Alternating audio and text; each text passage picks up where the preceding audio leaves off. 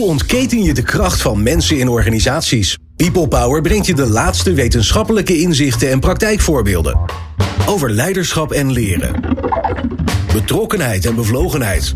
Inzetbaarheid en inclusie. Omdat mensen het verschil maken in jouw organisatie. People Power met Glenn van der Burg. Mireille Oliveira gaat in Leading People Power in gesprek met gasten die zelf de leiding nemen over hun leven en hun werk. Waar komt hun energie vandaan? Wat drijft hen? Hoe houden ze vol? Wanneer liepen ze tegen een muur aan en hoe braken ze er doorheen? En het leuke is, het zijn ook altijd mensen die verstand hebben van leiderschap. In deze aflevering hebben we voor je uitgenodigd Ria van Dinteren. Zij is auteur van onder andere, ik zal ze niet allemaal opnoemen, want dan is het puur voorbij. Breinopeners en In het Echt ben ik veel leuker. Organisatiekundige en ook nog breinexpert. En dat alles hoor je hier in Leading People Power. Fijn dat je luistert. People Power met Glenn van der Burg. Ik moet even bedenken dat Marije, Mireille achter microfoontje 2 zit. Want dan moet, hè, dat, is zo, dat is wel grappig hoe het brein werkt. Hè? Ik ben zo gewend dat mensen achter één zitten dat ik het verkeerde schuifje open doe. Automatisme. Daar begint het al. Mireille, Yes. je hebt Ria uitgenodigd. Ja. Waarom? Nou, ik werk al eh, een tijdje samen met Ria. Ik ken haar nu al een jaar of zes. En eh, we zijn samen leiderschapstrainers. En Ria heeft het vermogen om alle disciplines eigenlijk binnen te brengen wanneer het gaat over leiderschap. Dus toen ik Ria op een gegeven moment vroeg, ik zeg Marie, wat heb je nou eigenlijk gedaan? Wat ben je nou eigenlijk? Wie ben je? En ze zei, ja, ja, dat is een beetje lastig om uit te leggen. Maar als ik het zou moeten omschrijven, dan is Ria eh, kundig op het eh, gebied van brein. Dus breinkundig, onderwijskundig, bedrijfskundig, ook expert. En ik dacht, dat is dus wat ik elke keer zie. Ik kon het niet zo uitfilteren, maar elke keer wanneer ik met haar aan het werk was, zag ik dat ze vanuit die verschillende disciplines iets toevoegde aan leiderschap. En toen dacht ik, nou, dat heb ik nu met jou meegemaakt. En ik wil eigenlijk dat je die kennis deelt met iedereen. Nou, dat gaan we doen. Vandaar. Ja. Ja. Dus Ria, welkom. Nou, dankjewel. Yes. Nou, zal ik maar de eerste vraag op je afvuren? Ja, nee, ik heb een, ik heb een lui uurtje. Ik zit gewoon heel braaf naar jou te luisteren. Ja, ja, ja, dat, eh, dat denk je. Maar eh, eh, Ria, eigenlijk wanneer het gaat over leiderschap. Ik vroeg jou echt van, nou oké, hoe zullen we het insteken? Ik vind het dus echt heel vernieuwend hoe jij dus naar leiderschap en leren kijkt. En daar kwam naar boven verbinding. En eh, veiligheid onder andere ook. Maar ik wil ook wel beginnen met verbinding. Want ja, Glenn denkt dat hij een leuk uurtje heeft. Maar dat heeft hij eigenlijk niet. Oh jee. Dus eh, wanneer het gaat over verbinding en leiderschap, staan we heel vaak een stap over, namelijk verbinding maken. En dat is de eerste vraag eigenlijk. Van nou, hoe gaat het met je? Hoe zit je erbij? En dat zou ik niet alleen aan jou willen vragen, maar ook aan Glenn. Dus aan jullie allebei laten we een verbinding maken met elkaar. En dan vraag je, ja, hoe zit je erbij? Hoe is het? Ja. Nou, eigenlijk gaat het best wel goed. Totdat je deze vraag stelde. Zo dacht ik, oh jee, nou moet ik erover nadenken hoe ik Ja. erbij zit. Maar eh, nee, op zich eh, gaat het heel goed. En ik vind dit altijd wel spannend. Want wij kunnen wel hartstikke leuk verbinding maken. Maar er zijn ook mensen die luisteren. En hoe maken we daar dan verbinding mee? Hè? Dat is een soort, eh, dat is bijna een vraag aan jou, Glenn. Zo goh, maak jij ook verbinding met al die luisteraars? Eh, maar ja, het is wel essentieel dat wij met elkaar ook contact hebben. Anders hebben we geen leuk gesprek. Dus nee, met mij gaat het heel goed. Dankjewel. En Glenn? Ik heb last van mijn rug. Is echt, ja, Oh. maar dat is een terugkerend ding. Dus dat, ik weet wel hoe ik het moet op moet lossen. Dus ik moet er gewoon doorheen. Maar ik ben ook een man, dus ik zeur er al natuurlijk over. En het is nu, ja, als een man pijn heeft, is het alles bepalend voor zijn hele leven. Terwijl vrouwen daar veel beter mee om kunnen gaan. Heerlijk deze kennis. En ik generaliseer hè, niet alle mannen en niet alle vrouwen. Maar ik, eh, ach. Eh, dus dat. En verder, eh, ja, gaat het, verder gaat het goed. De zon schijnt. Ja, er is een oorlog in Oekraïne. Daar maak ik me dan weer zorgen over. Van wat moet ik daar nou weer mee? En, eh, en wat een verdriet allemaal. En hoe kan het dat mensen zo aan elkaar zitten? Eh, dus dat is ja, alles tegelijk eigenlijk. Zoals meestal. Hm. Oké. Ja. Ja. En jij dan? Deel, ja, dank. dank. ik deel de rol wel. Gaat goed en nieuwsgierig en heel erg afgeleid door wat er in de wereld gebeurt. En, ehm, en ook weer daar ergens heel ten diepste verbinding om voelen. Dus als ik hoor oorlog in Oekraïne, dan brengt het me terug bij alle vluchtelingen over de hele wereld. En niet alleen Oekraïne. En ook hoe we daarin insluiten en uitsluiten. Dus dat houdt me ook heel erg bezig. Ja. Zeker omdat ik zelf een donkere huid heb. En de discussie dus gaat over ja, hoe maken we daar, hoe maken we verbinding met mensen die op ons lijken en niet. En um, dankjewel dat je uh, Oekraïne aanraakt, uh, uh, Glenn. Want de vraag die ik eigenlijk aan Ria had, van goh, um, ja, wat hebben wereldoorlogen, conflicten om budgetten tussen afdelingen op ander niveau en wondjes in het team met elkaar te maken. Hè? Mm -hmm. En dat zou dan gaan over veiligheid en verbinding of het ontbreken daarvan. Um, hoe, um, Ja, en, en ik vroeg je ook van, goh, uh, luisteraars moeten beseffen, of daar hadden we het over, dat veiligheid en verbinding je niet alleen iets brengen als professional, maar ook als mens, dat het levenslessen zijn. De vraag aan jou met deze intro, welke levenslessen heb jij meegekregen wanneer het gaat over veiligheid en verbinding? Hoe ging Ja. dat bij jou thuis? Ja, oh, bij mij thuis beginnen. Nou, bij ons thuis was het niet echt super veilig. Eh, maar op school weer wel. Dus dat betekende ook dat je dan denkt: oh fijn, ik ga naar school. Eh, dus misschien ben ik daarom wel gewoon eindeloos door blijven leren. En vind ik het ook zo belangrijk dat iedereen eh, op zijn eigen manier weer een stukje leert. En als het gaat over verbinding, ehm, nou, ik heb het wel eens vaker met jou ook over gehad. Ik hou echt van extended family. Mijn man zei vroeger altijd dat ik van alles de camping maakte. Omdat ik dan met iedereen contact had en eh, overal wat van af wist. En dan hem uitlegde zo van ja, maar dat komt daar en daardoor. En wist je dan niet dat? En hij had altijd zoiets van, nou, ik weet niet wat hier gebeurt. We staan hier gewoon ongeveer een half uur. En ze kent Oh, ja. ongeveer iedereen op dat veldje. Ook zo'n Eh, vrouw. Ja, ik heb ook zo'n vrouw. Fantastisch. Ja, maar goed, ook Ja. dat van je maakt overal een camping van. En ja, ik denk gewoon eh, zelf, als het gaat, als we terugbrengen naar leiderschap en teams en zo, dat, dat ja, weet je, het, het hebben van verbinding en het ervaren van verbinding met elkaar, dat is al zo verschrikkelijk oud. Hè? Als we het gaan hebben over breinen, al in de tijd dat wij allemaal voedsel moesten verzamelen, ehm, moesten we eigenlijk ook gewoon met elkaar een soort relatie hebben, zodat we konden weten van, hé, hey, ik ik kan misschien niet verzamelen vandaag, maar ik krijg wel te eten. Dus wij zijn echt heel erg gebaat bij eh, verbinding eh, eh, hebben met elkaar. En ja, dat nemen we echt mee onze teams en onze organisaties in. Dus op het moment dat het ontbreekt, ehm, eh, dan denkt ons brein, potverdikke me, ik zit hier helemaal niet op mijn plek. Want ik ben helemaal niet sociaal met jou verbonden. Dus waarom zou ik dan iets voor jou doen? Want weet je dan wel eigenlijk wie ik ben? En een van de dingen die we wel leren uit dat brein is dat een overlevingsstand eh, die ontstaat als er weinig verbinding is. Ehm, en ja, veiligheid heeft daar natuurlijk ook mee te maken. Maar dat je dan je realiseert dat veiligheid en verbinding zijn eigenlijk gewoon essentieel om mensen vooruit te helpen. Oké, Eh, Dus ja, dat. ja. En ik weet nou niet of ik nou antwoord heb gekregen op die vraag. Welke levenslessen heb jij uit je jeugd meegenomen? Welke levenslessen ik mee heb genomen. Ja, wat heb je meegekregen? Ja, wat heb ik meegekregen? Nou, een van de dingen die we altijd doen in die leiderschapsprogramma's is dat we het ouderlijk nest tekenen. Mhm. En dan het mantra eh, eh, benoemen wat je meegekregen hebt. En dat heb ik al best vaak moeten doen, ook voor mezelf. Het mantra wat ik heb meegekregen is wel niet zeuren en door. Dus als mensen, eh, als er nu nog mensen zitten te luisteren die mij kennen als leidinggevende, gaan ze dat nu onmiddellijk herkennen. Want dat was wel echt mijn ding. Hoe kunnen we het praktisch maken? Hoe kunnen we dingen oplossen? Dus ik blijf zelden hangen in, eh, op die camping, zeg maar. Daar blijf ik dan toch niet hangen. Dat, eh, nee, dus dat. Dat is wel echt een levensles. En ook nog wel meer hoor. Dat kennis heel belangrijk is, bijvoorbeeld. Ja. En dat eh, zorgen voor iemand anders super belangrijk is. Dus dat je. ehm, mijn moeder zorgde altijd voor de hele wereld. Misschien komt daar het campinggevoel trouwens ook wel uit voort, bedenk ik me nu. Maar eh, ja, mijn oma's haren moesten ingedraaid worden. Er moesten boodschappen gedaan worden voor iedereen in de omgeving die iets had. Dus dat zorgen voor is ook wel een les die ik meegekregen heb. Ja. Oké. En als ik hem zo beluister, dan is het niet alleen maar eh, het hebben gehoord. Hè? Dus eh, door en niet, niet zeuren, maar gewoon door. Maar ook dat je hebt gezien wat ze deden. Klopt dat? Dus, dat, dus als wij kijken naar hoe het moet, of dus dat het gaat over voorbeeldgedrag. En als ik dat dan koppel aan leiderschap, dat het niet alleen de woorden zijn, maar dat het ook het gedrag is. Ja, vooral dat. Hè? Ehm, ja, ik dan toch weer naar mijn favoriete brein terug, zeg maar. Dat vind ik dan echt wel een heel fijn onderwerp. Ik wist vroeger nooit waarom voorbeeldgedrag nou belangrijk was. Hè? Eh, ik kan me wel herinneren dat ik vroeger als puber discussies had. Toen zei ik, ja, maar je, ik zie het je nooit doen. En, eh, ehm, en dat ik later ontdekte, toen ik wat meer eh, van dat brein afwist, dat wij in ons brein zogenaamde spiegelneuronen hebben, die geactiveerd worden als we iemand anders iets zien doen. En dat gaat, dat, die spiegelneuronen die gaan niet aan op alles wat iemand zegt. Dus als je zegt van mijn deur staat altijd open. Maar de praktijk is dat het gewoon de negende verdieping is met twee secretaresses die ervoor zitten.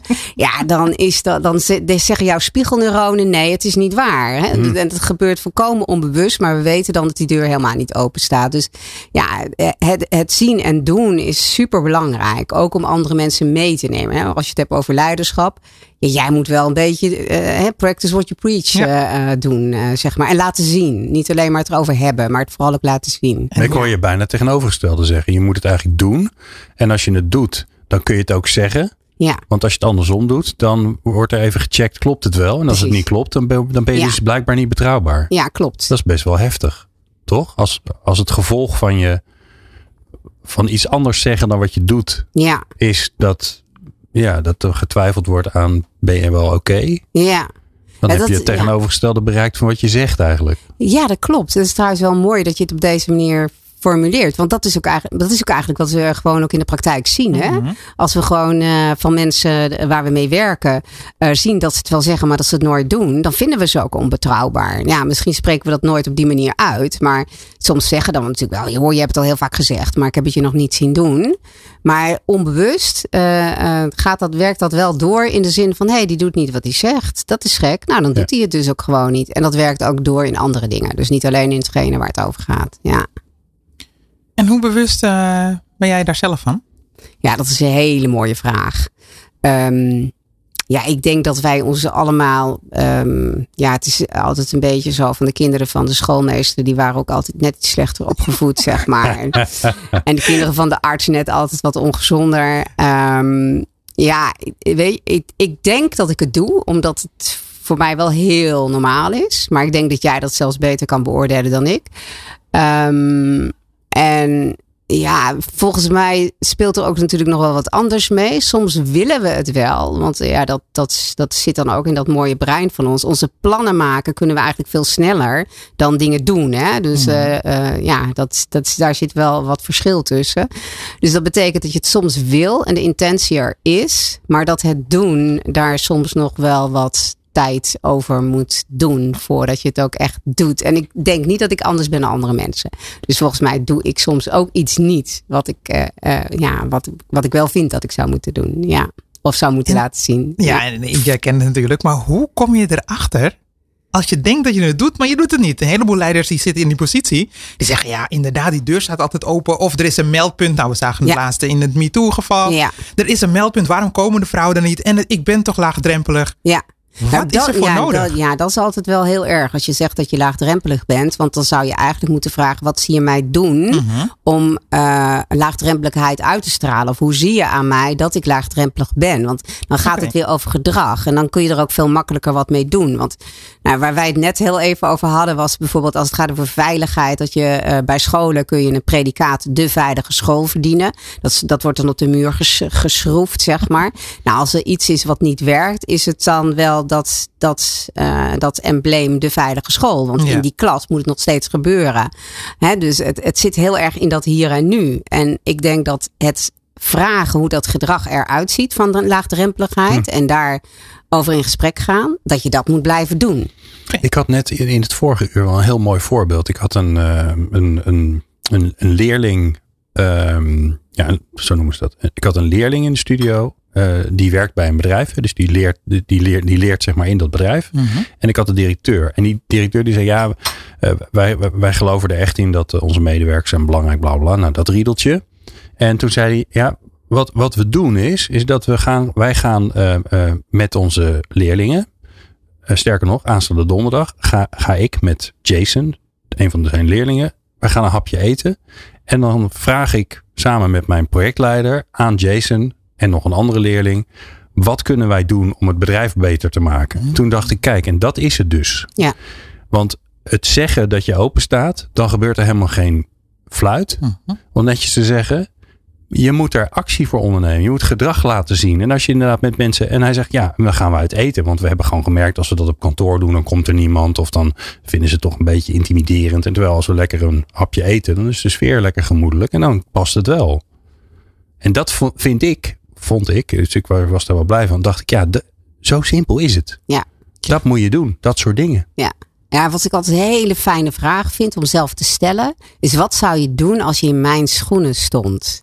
En dat is dan ook zo'n vraag waarbij mensen dan uh, ja, antwoord gaan geven. En waarbij je dan dus eigenlijk al die ideeën die niet loskomen. Als je zegt, je kan alles tegen me zeggen, kom met ideeën. Um, als je zou zeggen van joh, wat zou je doen als je in mijn schoenen stond en je kwam dit tegen, dan krijg je die ideeën gewoon gratis en voor niks en dan zijn ze helemaal prima. Maar dan laat je tegelijkertijd ook zien dat je open staat voor iemand anders zijn ideeën. En er gaat dan blijkbaar toch nog iets anders vooraf aan het gedrag, namelijk die vraag stellen. Ja. What's missing? What's wat, missing? Ja, wat ontbreekt er waardoor leiders, veel leiders, die vraag niet stellen? En het antwoord erop, dat hoor je zo. Experts en wetenschappers over de kracht van mensen in organisaties. People Power. Nou, Mireille, waar waren we gebleven? Ja, um, de vraag stellen. Hè? Dus dat je uh, dan vraagt van, goh, als je in mijn schoenen zou staan, wat zou je dan doen? Nou, prachtige vraag. En mijn ervaring is dat wanneer het aankomt op leiderschap, dat een heleboel leiders dat wel vinden, maar de vraag niet stellen. Dus er lijkt iets aan vooraf te gaan wat ze missen. Dus what's missing? Ja, hm. ja mooie vraag. Ja, volgens mij is er ook nog iets anders aan de hand dan. Mm Want misschien kunnen leiders die vraag wel stellen. Maar medewerkers, voordat ze antwoord geven, dat heb ik net even zomaar weggelaten. Maar voordat je antwoord geeft, moet je wel weten dat je kop er niet afgaat, zeg maar. Mhm. Dus je moet je wel, uh, zoals dat zo mooi heet, of zoals Amy Edmondson dat noemt, psychologisch veilig voelen. Om een risico te nemen om dat antwoord te geven. Het is eigenlijk een soort risico nemen. Van ja, wie weet, misschien vindt die leidinggevende dat wel helemaal niks wat ik zeg. Nee. Uh, maar ik vind het wel beter voor die organisatie dat ik het wel vertel. Dat verstaat zij onder psychologische veiligheid. Dus uh, zeggen wat je moet zeggen om de organisatie beter te maken. En het andere wat daar dan voor nodig is, en wat zij koppelt psychologische veiligheid ook aan ja, het hebben van hoge standaarden. Dat iedereen eigenlijk ook weet van joh, wat moeten we eigenlijk bereiken met elkaar? Nou, als mhm. iedereen daar een beetje hetzelfde in staat, dan is zo'n vraag fantastisch. Want dan wil iedereen eigenlijk wel die organisatie wat beter maken. Oké. Dus dat. Ja, dus veiligheid werkt, vooral ook. Werkt dat dan, eh, blijkbaar zit dat dus bij ons ingebakken. En dan kan jij uitleggen of dat in het brein zit, voordat ik allerlei aannames doe. Dat voordat, voordat ik antwoord geef op een vraag, ga ik eerst een soort rijtje checks af van kan, kan ik eigenlijk wel, wat is sociaal wenselijk om nu te doen? Nou, wat voelt veilig voor mijn brein? Dat is eigenlijk het, dat is het enige rijtje wat je doet. Dus uh, als je gaat kijken hoe zo'n brein in elkaar zit, dan wat we eigenlijk willen is dreiging voorkomen en beloning vergroten. Dus uh, dat zijn eigenlijk de twee dingen. we hebben, ja. ja. het is gewoon heel, zo simpel is het eigenlijk. En dreiging ontstaat op het moment dat jij denkt van als ik dit nu vertel, dat is dan misschien wel waar, maar dan gaat mijn kop eraf. Want dan zegt mijn leidinggevende, hallo, wie denk je wel niet dat je bent dat je dit hier eventjes komt vertellen. Dus in een psychologisch onveilige uh, situatie ga je dat niet doen. Wat, ja, wat ik wel mooi vind bij Amy Edmondson, die heeft één voorbeeld wat iedereen dan gelijk snapt. En dat is het voorbeeld wat zij uh, gebruikt over um, de diesel uh, software um, uh, fraude, zeg maar. Waar, waarbij de software er eigenlijk voor gezorgd heeft dat, dat het lijkt alsof we minder uitstoot hadden. En zij beschrijft dat in het boek dat die standaarden waren wel super hoog. Alleen die, de omgeving was psychologisch onveilig. Dus eigenlijk wisten die experts wel, dit gaat het niet worden. Wij kunnen gewoon niet minder uitstoot krijgen, behalve als we sjoemelen. En toen was die situatie dan kennelijk zo dat dat niemand dacht, ik, ja, ze hebben trouw, waarschijnlijk hebben ze het wel geprobeerd. Maar uiteindelijk hebben ze gewoon bedacht, ja, dit is gewoon te onveilig voor ons om uh, dit nogmaals aan de kaak te stellen. Want er verandert niks. Want wij we hebben echt opdracht gekregen dat we dit moesten doen. En toen hebben ze dat gedaan. Dus dat is dan echt een situatie. Dus je gaat eerder, eerder frauderen dan dat je eerlijk gaat zeggen: joh, we hebben een probleem. Want die motor die gaat dat gewoon nooit redden. Ja. Ja. Ja, ze hebben ook nog een ander voorbeeld, wat ik ook een mooi voorbeeld vond. Dat was uh, bij um, prenatale zorg, waarbij bijvoorbeeld, ja, dat is nu wel anders geworden, maar vroeger waren medisch specialisten, die stonden wel zo hoog in aanzien dat je daar ook niet tegen inging als je gewoon verzorgende was. Terwijl bijvoorbeeld bij prenatale zorg, dan komt het nogal nauw wat je doet met zo'n kindje en wat je wel toedient en niet toedient. En dat zijn altijd teams die samenwerken. En in die teams uh, moet iedereen eigenlijk zijn deel doen. En uh, nou, dat, daar heeft, dat beschrijft zij ook. En dan zegt ze ja, in goede teams worden blunders gemaakt, maar iedereen kan iets zeggen over die blunders. Mm uh, omdat ze allemaal werken voor het leven van zo'n kindje. Maar op het moment dat daar niet over gepraat kan worden, ja, dan is iemand dus een, ja, eigenlijk een soort risico aan het inschatten. Kan ik wat gaan zeggen tegen die medisch specialist als die wat vergeten is? Of gaat mijn kop er dan af en uh, houdt iemand dan gewoon zijn mond? Dus psychologische veiligheid is in die zin ook niet, heel, niet alleen maar cretologie. Dat is gewoon, denk ik, echt iets wat wij nodig hebben om risico's te durven uh, nemen. En, en hoor ik dan ook tussen de regels door dat je het niet alleen, dat je dus niet alleen gezamenlijke doelen moet hebben. Hè? Dus dan het gaat over prenatale zorg, zo gezond mogelijke babytjes. Maar dat je ook afspraken moet hebben over hoe je elkaar aanspreekt. Of hoe je uh, um, afspraken maakt over de communicatie eigenlijk. Hoort Ja. dat er ook een beetje bij of niet? Ja, dat vind ik altijd een hele lastige. Als er dan allemaal afspraken gemaakt moeten worden over communicatie, denk ik, oh, dat wordt dan wel ingewikkeld. In feite moet je eigenlijk met respect naar ieders bijdrage in dat team willen luisteren naar wat iemand te zeggen heeft als het gaat over het bereiken van dat gezamenlijke doel. Um, en hoe krom dat er ook uitkomt, dat maakt dan eigenlijk niet zo heel veel uit. Maar dat je gelooft in de intenties. Dat als er wat gezegd wordt, bijvoorbeeld over uh, aanspreken dat iets nog niet gedaan is. Ja. Dat dat uh, voortkomt uit het idee dat jij het uiteindelijke doel gewoon goed wil hebben. En wil bereiken samen. Oké. Intenties zijn daarin belangrijk. En dat Ik je ook vertrouwen hebt dat je het allebei allemaal wilt. Ik denk dat het uiteindelijk gaat het gewoon echt over teamvertrouwen. Dus vertrouwen in elkaar, gezamenlijke verantwoordelijkheid. Wat dan geen loze kreet is, maar waarvan je ook echt gelooft dat iedereen uh, daaraan mee wil werken. Um, en dan ook gewoon vindt dat alle stemmen belangrijk zijn om te horen. Want ja, het, is niet zo dat doordat je leider bent, dat je daardoor altijd ziet wat nodig is. Nee, dat kan de jongste bediende ook zien. Hè? Dus, dus alle stemmen zijn belangrijk. Okay. En welke, het, over alle stemmen die zijn belangrijk. Ik denk dat het echt, wanneer het gaat over, nou, waar kan je niet op tegen zijn? Dat iedereen het daarmee eens is. Alle stemmen zijn belangrijk. Er zijn wel mensen die natuurlijk beslissen. Maar um, het, het blijkt toch lastiger te zijn dan, ja, dan, het misschien, dan je het misschien gewoon benoemt. En dan, dan dat we allemaal willen. Dat je al die stemmen insluit en dat je alle stemmen wilt horen. Um, als het gaat over leren en leiderschap, wat is jouw, uh, wat is je, je zorg daarin? Dat die stemmen niet gehoord worden, ja. bedoel je? Ja, welke zorg of welke vrees heb je als het gaat over leiderschap en stemmen willen horen en de juiste intenties? Welke zorg heb jij daarover? Daar moet ik heel erg over nadenken welke zorg ik daarover heb. Ja, ik, wat ik wel denk is dat de zorg die er misschien is, dat je denkt dat iemand anders het voor je gaat doen. Ik denk uiteindelijk ben jij zelf ook heel erg verantwoordelijk voor wat je hoe je jezelf aanstuurt en hoe je daar zelf verantwoordelijkheid in neemt. Hè. Ook vooral dit soort dingen, daar moet je niet gaan zitten wachten tot iemand van bovenaf zegt van joh, weet je, vanaf nu hebben we de intentie dat we met z'n allen voor dat gemeenschappelijke doel gaan. Nee, probeer het eens in het klein en bereid het dan een beetje uit. Ik zeg altijd, zoek de Ah, ja. pareltjes en ga ze polijsten. Omdat het altijd wel ergens in een organisatie gebeurt. Ah, ja. Dus mijn zorg is eigenlijk dat we het zo groot maken dat het daardoor onbeheersbaar wordt. Dankjewel, want nu weet ik wat mijn zorg is. Dat is eigenlijk echt mijn zorg. Ja, dat het te groot is en we hebben gewoon zelf invloed. Ja, dat we dan denken, jeetje, weet je. Uh, we zitten nu natuurlijk in die oorlog in Oekraïne of zo. En dan gaat het, nu zit iedereen in de talkshow te praten over de opvang en hoe we dat moeten doen. En uiteindelijk wordt het al zo groot dat we zoveel regels moeten hebben, dat het dan niet meer gebeurt. Dus ik Ja, denk ja. altijd, joh, blaas het niet op. Hou het klein. Kan, als jij wat kan doen, ga jij kijken wat, en wat je wil doen en hoe je dat dan wil doen. In plaats van dat je het heel groot maakt, doordat er iemand ergens bovenin het antwoord gaat geven, wat ook niet kan. Oké. Dus je eigen, maar ook dus geloof in je, dat eigen vertrouwen ook, hè? Dus dat je Ja. dat zelf in je eigen invloedssfeer kan doen. En ik denk, uh, ik zat laatst een radioprogramma te luisteren. En toen hoorde ik het verschil over inkomens tussen mannen en vrouwen. En uh, toen drie uh, collega's waren met elkaar in gesprek. En de een zegt tegen de ander van nou, ik denk dat jouw vrouw hetzelfde verdient, misschien wel meer dan jij.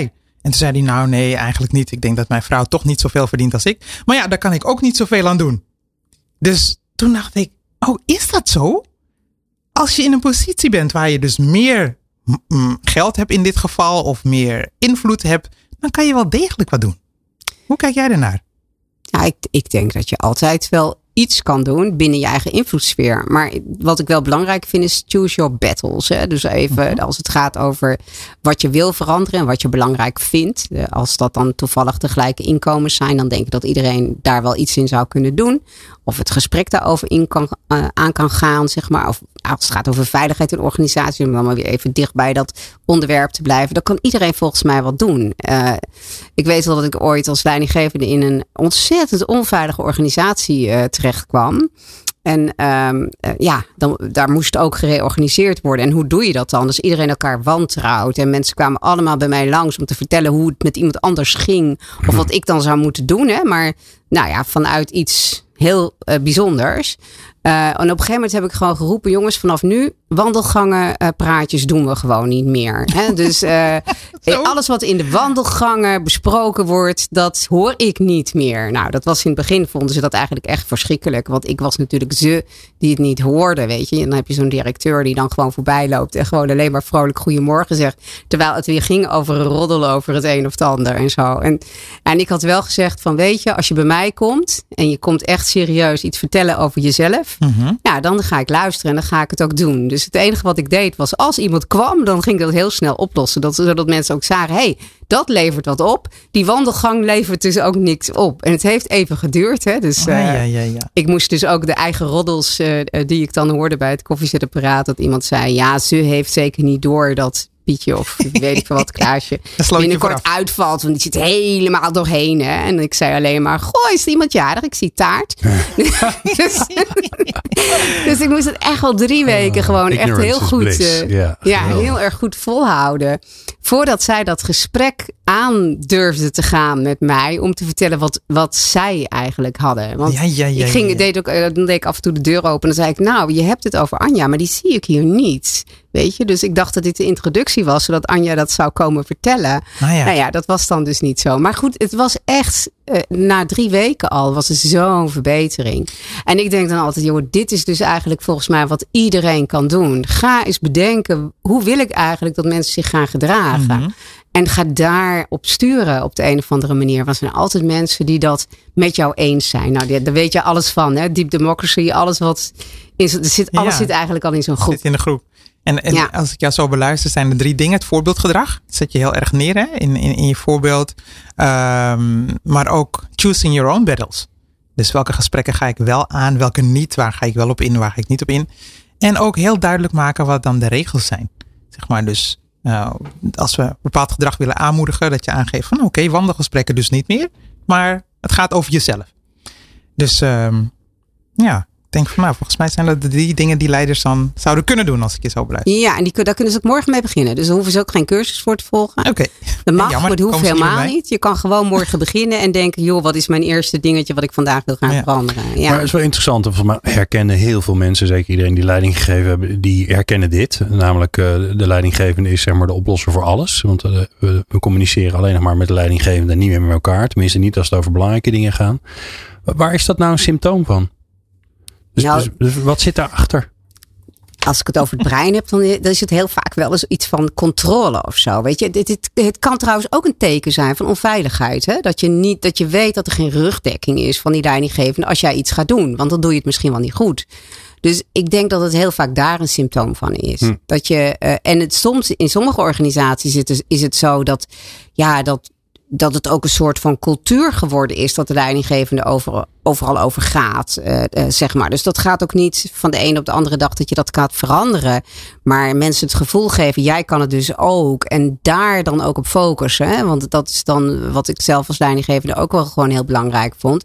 Als mensen iets zelf gedaan hadden, al had ik 90% hulp gegeven, dat maakt dan niet uit. Die 10% die maakte ik 90% ja. als ik mensen complimenten gaf over wat ze opgepakt hadden.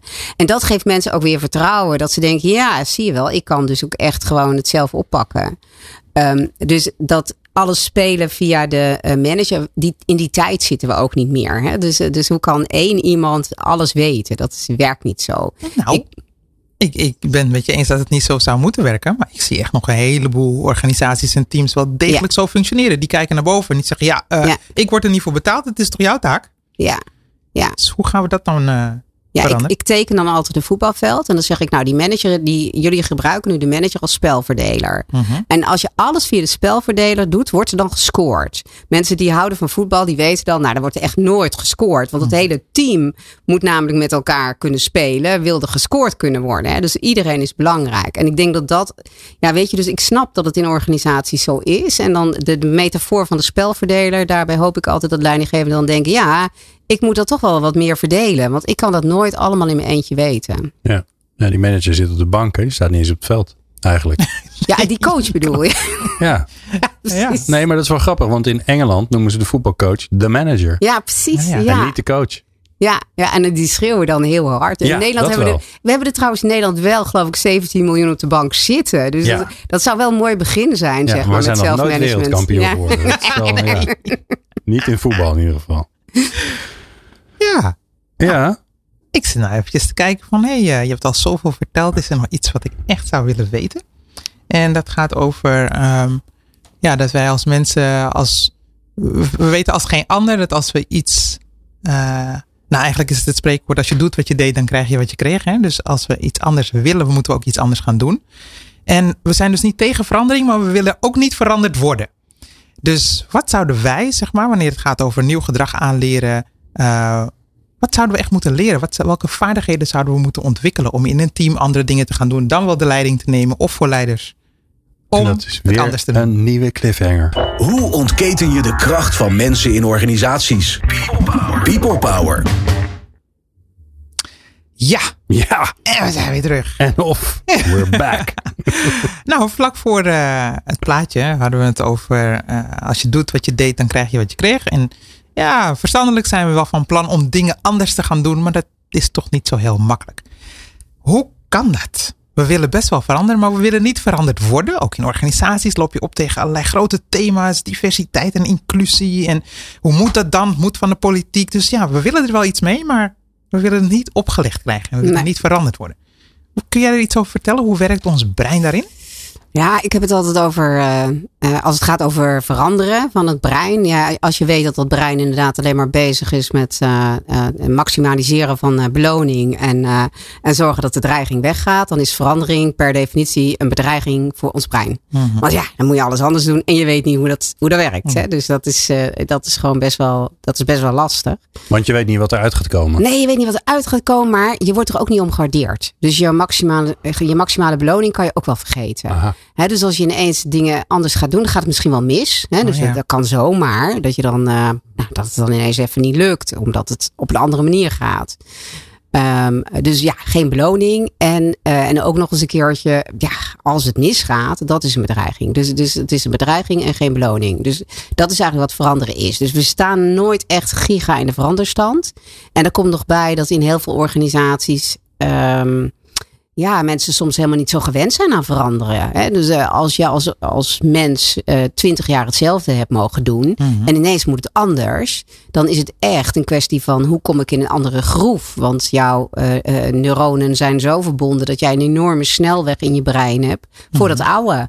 Dus ja, die snelweg die is nou eenmaal makkelijker dan die tussendoorweg. hè? Dus eh, dan moet je een nieuw pad gaan maken. Nou, dat is, dat is echt heel vervelend. En dan heb je ook, ook nog geen beloning. En het kan allemaal misgaan.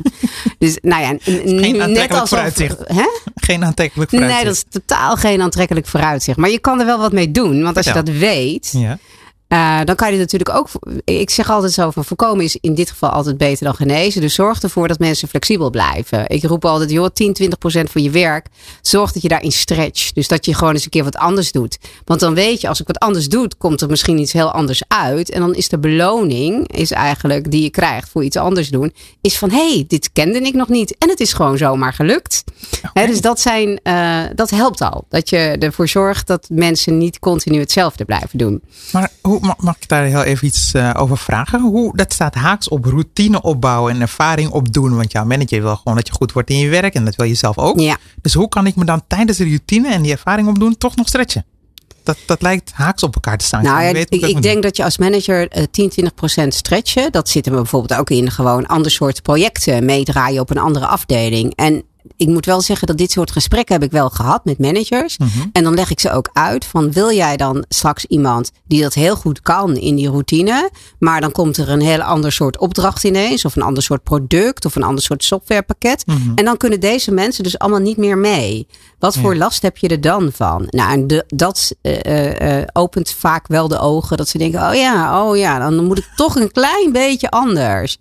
Ehm, ja, ik merk altijd, bijvoorbeeld mijn grootste eh, ik heb dit wel eens verteld, bijvoorbeeld bij schooldirecteuren. Mhm. Nou, mensen die eh, eh, eh, in het onderwijs werken, echt absoluut niet allemaal. Dus voordat het allemaal boze mensen gaan eh, bellen. Er zijn er echt wel die variëren, maar er zijn er ook die gewoon al minimaal 15 jaar in groep 3 zitten. Nou ja. En dan moeten ze naar groep 8. En dan zeggen ze, nee, dat kan ik niet. Nou, ik heb zelf die opleiding gedaan. En als jij die opleiding krijgt, dan kan je van groep 3 tot en met groep 8. dus, dus je hebt het ooit gekund. hè? Dat is eigenlijk een beetje het idee. Alleen doordat je 20 jaar hetzelfde doet en dat je dan zo makkelijk afgaat, eh, Ja. eh, ben je bijna bang geworden om dat dan in groep 8 te gaan Maar doen. eigenlijk zeg je in dit voorbeeld, als dat zo is bij jou op basisschool, dan heb je het gewoon als leiding niet goed aangepakt. Want je moet gewoon, je moet roleren. Ja, je moet gewoon elke drie, vier jaar zou je moeten roleren. Of Ja. je zou moeten zeggen, joh, doe één dag groep 8. En als iemand dan heel blij wordt van groep 8, nou ja, dan wordt het veel makkelijker om als er gewoon weer eens een keer een tekort is of er moet Ja. iemand doorschuiven. Nou ja, dan kun je toch, toch weer gewoon wat anders doen. Dus ehm, je moet er bijna voor zorgen dat mensen niet vastroesten. Dat is eigenlijk eh, letterlijk wat je niet moet doen. Je moet zorgen dat mensen niet zulke snelwegen aanmaken dat ze niet meer willen veranderen. En nou ja, dan, eh, het, het idee dat mensen van boven de 50 bijvoorbeeld niet meer kunnen veranderen, dat is dan ook gelijk ineens onzin geworden. Als ze maar gewoon regelmatig. gelukkig wel, ja. Nou, ja, precies. Het kan nog. Het Ik ben kan nog. 50. 50 plus. Ja, precies. hey, ik ben 50, jij bent niet Oh, ja, 50 oké, ja. plus. Nee, over een half jaar ben ik het ook. Dus Ja. dan is het Ja. Oh, jij bent nog jonger. Ik ben nog Oh ja, dat wilde je even duidelijk maken. Nee, dat is goed. Het is, is wel heel mooi. Die, eh, ik weet dat Erik Scherder die noemt dat cognitieve reserve opbouwen. Dus zorgen dat je flexibel blijft in je hoofd door een heleboel verschillende dingen te doen. Eh, waardoor je ook gewoon wat minder last hebt van allerlei soorten van ouderdomskwalen, achteruitgang enzovoort. Oké. Super handig. Ja, Gewoon doen. prachtig. En Totaal vraag. ander onderwerp, ja. Ik denk, nee, nee, nee. Ik denk, de- het raakt er wel aan. Die cognitieve reserves opbouwen en roleren en switchen. Kijk, als je in een leiderspositie bent en je kunt daar anderen toe aanzetten, lijkt het me toch een stuk makkelijker dan wanneer je jezelf daartoe moet aanzetten. Ja. Dus een heleboel leiders zitten er zo lang omdat ze het goed kunnen. Ja. En ehm, hoe gaan we dat dan doen? Want het is hartstikke moeilijk om jezelf te veranderen. Hoe, Ja. Wat hebben we daar dan voor nodig? Ik, ik heb daar ooit met, eh, eh, met Isolde, ehm, die heeft daar een eh, promotieonderzoek naar gedaan. En toen hebben we ooit eens een keertje een onderzoekje gedaan. Toen bleek dat, nou, ik geloof dat iets van 60, 70 procent van de managers in Nederland, die was 50 plus of 45 plus. Mhm. En die vonden het ontzettend moeilijk om innovaties in organisaties voor elkaar te krijgen. Juist omdat dat niet hun stroompje was, zeg maar. En tuurlijk, je kan wel, je kan wel iets doen, maar je, je raakt ook aan een probleem. Hè? Hoe, wanneer geven we anderen, jongeren, ook de kans om mee te doen, mee te praten enzovoort? Dan komen we bijna weer bij dat eerste onderwerpje. Mag je eigenlijk wel zeggen wat jij denkt dat goed is voor die organisatie? Want Ja. ik ken ook oude leiders die het perfect doen. Hè? Dus, eh, want die staan wel open voor al die nieuwe geluiden en laten mensen dingen proberen. En dat is echt top. Oké. En is het voor bepaalde type leiders, of voor welke leiders is het makkelijker om die dingen uit te proberen? Ja, als jij gewoon in een leuke innovatieve start-up zit, dan kan je van alles uitproberen. En als je heel veel verschillende soorten werkzaamheden hebt, ook. Hè? Dus als eh, schooldirecteur moet je ook proberen iets creatiever eh, eh, te worden. Als het gaat over, ja, dat is de switch van groep 3 naar groep 8. Maar wat zijn de andere switches nog? En toch zijn ze er wel. Hm. En ik denk dan wel dat het heel goed is om met mensen zelf in gesprek te gaan over hun werk. Wat daagt jou nu uit? Ik, heb, ik had laatst had ik een paar ehm, ehm, eh, bestuurders uit de, van de waterschappen en de, en de, eh, zeg maar de, de waterhoek, waterschappen, eh, waterbedrijven. En ik was echt verbaasd over hoe innovatief die bedrijven zijn. Zowel in, in de manier waarop ze werken, maar ook gewoon met, met wat ze allemaal op duurzaamheidsgebied en zo doen. En ehm, mijn conclusie was een beetje dat ik dacht, ja, maar ik snap het ook wel weer. Want het zijn omgevingen die redelijk stabiel zijn. eh, voorspel, redelijk voorspelbaar. Hè, redelijk voorspelbaar, niet heel voorspelbaar. Maar ze denken allemaal al na over de lange termijn. Dus ik kan me ook voorstellen dat je als leider zelf. hè, eh, medewerkers hebben psychologische veiligheid nodig. Maar die leider die heeft natuurlijk ook veiligheid nodig. En als die denkt, ja, eh, als ik nou te veel ga bewegen, dan wat doet het dan met mij? Dan krijg je eigenlijk hetzelfde gedrag. Namelijk dat je, Ja. ja, ik, doe- ik doe nu fysiek, krimp ik in elkaar. Ja. Ja, dat je, niet, eh, dat je niet los en open bent, maar dat je juist een beetje gaat verkrampen. Ja, Dus- dus- leiders net zo goed last van natuurlijk. Ja, ja. hoe ga je daar dan weer mee om? Nou ja, ik Dat denk dat we, oplossen. we zijn natuurlijk met z'n allen. Het is, het is altijd wel gewoon iemand waar je verantwoording eh, eh, schuldig aan bent, eh, zeg maar. Hè? Dus dat, dat blijft natuurlijk gewoon wel. Maar het is wel zo dat als je het, het grotere plaatje kan zien, hè, wat je zegt van die waterschappen, een groter plaatje. Maar ook gewoon in je team, ja, een groter plaatje voor jouw teamleden. Dat gaat echt veel verder dan, hey, ik wil nu ehm, deze taak zo goed mogelijk gedaan hebben. Dat gaat eigenlijk ook over andere dingen. Ja, ik vind dat vervelend om werkgeluk te noemen, want dan denk ik, nou, dat is ook zoiets. Maar als mensen eh, prettig met elkaar samenwerken, dat, dat vergroot eh, resultaten. Maar dat betekent dus ook dat je iets moet doen aan inzetbaarheid en zorgen dat mensen wat flexibel zijn en blijven. Weet je, wij worden daar toch blijer en gelukkiger van. En er is altijd die ene uitzondering die het echt super vindt om gewoon stempeltjes te zetten op papiertjes en er hartstikke happy van wordt. Hè. De, bedoel, dat zal altijd wel eh, eh, zo zijn, hè, dat er zo'n enkele is. Dus die individuele aanpak, ja, die blijft natuurlijk wel belangrijk. Je kan ook niet zeggen van, oh ja, want nu hebben we het natuurlijk weer een beetje groot gemaakt van ga dat allemaal doen. Hè?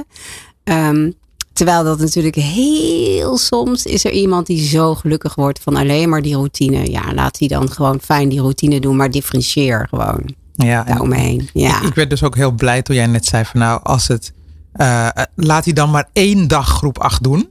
Die mogelijkheid moet er ook zijn. Sommige mensen zijn gewoon meer geschikt voor een andere groep dan voor groep 8.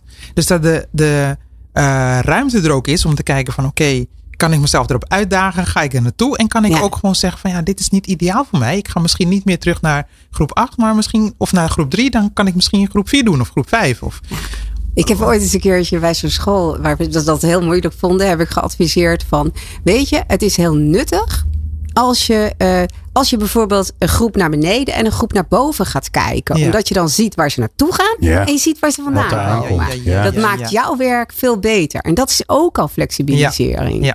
Oké. En ik hoor je ook iets zeggen wat eigenlijk gaat over, je hoeft het niet alleen te doen. Dus zo'n leidinggevende die gaat dan met de medewerker in gesprek. Wat zie je jezelf doen of wat is jouw behoefte? Dus die leidinggevende hoeft het ook niet te beslissen. En het zijn niet altijd, leiders zijn niet altijd leidinggevende, maar ik zie dat als een ieder met een belang die een doel voor ogen heeft wat hij wil realiseren. En ehm, zie jij in jouw praktijk, zie jij leiders voldoende samenwerken? Hoe doen ze dat? Oh, dit vraagt bijna om een antwoord van minimaal een kwartier, denk ik. Je hebt precies En dat hebben we Ja, niet. dat heb ik niet. Hè? Nee. Drie- nee, Nee, nee, drie nee. minuten. Dus hoe ziet dat Ja. eruit? Ja, die kwaliteit van samenwerken lijkt me zo Ja. krachtig. Ja, en dat zie ik eigenlijk op andere niveaus. Ja, en dat is wel natuurlijk ook een beetje het gevaar waardoor leiders inderdaad lang op zo'n positie soms zitten. Dat het soms lastig is om samen te werken met andere leidinggevenden. Terwijl het wel heel nuttig is om gewoon met elkaar uit te wisselen. Ik ken wel grote organisaties die bijvoorbeeld intervisie faciliteren met leidinggevenden. Mm. Nou, dat is super. Weet je, het, het- het organiseer dat. En zorg er ook eens voor, wat ik nog wel eens roep, is zorg dat je een dat je een vlieg aan de muur kan zijn bij een andere leidinggevende. En ineens merken ze dan, oh ja, we hebben allemaal dezelfde problemen. Oh, interessant. Kunnen we wel met elkaar over praten. Dus, dus dit is een beetje de korte versie van dat kwartierlange antwoord. Ja, ja. Ga in gesprek. Ja, Ga in met gesprek. anderen. Ja. En durf je ook kwetsbaar op te stellen als ik hem zo beluister. Hè? Want Ja. intervisie gaat ook over laten zien waar je tegenaan loopt. En eh, collegiale consultatie eigenlijk is intervisie. Ja. Ehm, nou, als we zo naar de afronding gaan. Want eh Glenn kijkt me al aan van nou, het zijn nog maar een paar minuutjes. ja. Wat- Ik, zou, ik hou van checklists. Dat ik Ja. gewoon iets kan afvinken. Dus we hebben al een paar dingen genoemd. Heb je Ja. er nog een paar voor onze luisteraars? Wat moet je dan Ja, ik zou dan toch wel weer terug willen naar die veiligheid. Hè? Van ga eens kijken wat jij nodig hebt en hoe dat in je organisatie eruit ziet. En wat jij dan kan doen om dat te veranderen. Hè? Mhm. Misschien kan je dat gewoon alleen bij één collega doen. Dan is het al helemaal top. Hè? En, eh, help je collega zich uit te spreken. Ehm, en als het gaat over verbinding. Ja, zonder verbinding maak je ook geen, eh, ga je ook niet een echte wezenlijke verandering doen. Dus kijk ook gewoon hoe je zit. Jouw openingsvraag van hoe zitten we er hierbij? Nou, dat is iets wat jij volgens mij, wat iedereen morgen kan gaan doen. Mhm. Van laat ik dat gewoon eens in mijn eigen omgeving eens vragen aan mensen hoe ze erbij zitten en wat ze Ja, en wat ik wel leuk vind om daarbij te vertellen is, dat klinkt alsof je daardoor meer tijd kwijt bent. Hè? Ja. Je gaat dus ja. vragen en dan gaan mensen Ja. over ze, eh, gaan vertellen hoe ze erbij zitten. Denk je, ja, we willen gewoon die agendapunten doorheen jassen. Ja. Er staat al zoveel op. geen tijd. ja. Maar de rest van de vergadering gaat twee keer zo snel. Ja, ik, wat ik heel leuk vind is dat eh, ehm, Zuid-Amerikanen, dat, eh, die hebben dat heel goed begrepen. Ik werk samen met een Braziliaanse dame. En ik dacht in het begin ook altijd en door. Hè, want dat was een van mijn Ja, levensmotto's. Ja. Ja, precies. dus, maar die bleef maar kletsen. En hoe is het dan? En hoe is het met je man en de kinderen? Gaat alles goed? En ik dacht, jeetje mina. Maar toen we dat gedaan hadden, hè, dus twintig minuten later. En we hadden maar een uurtje. Daarna ging het echt als een tierenleer. Want wij hadden een verbondje en een bondje. Ja. En wij begrepen elkaar op dat diepere niveau. We hadden die verbinding en ineens Ja, liep het. het veel dus sneller. Ja, investeer daarin. Glenn. Ja. Zeker.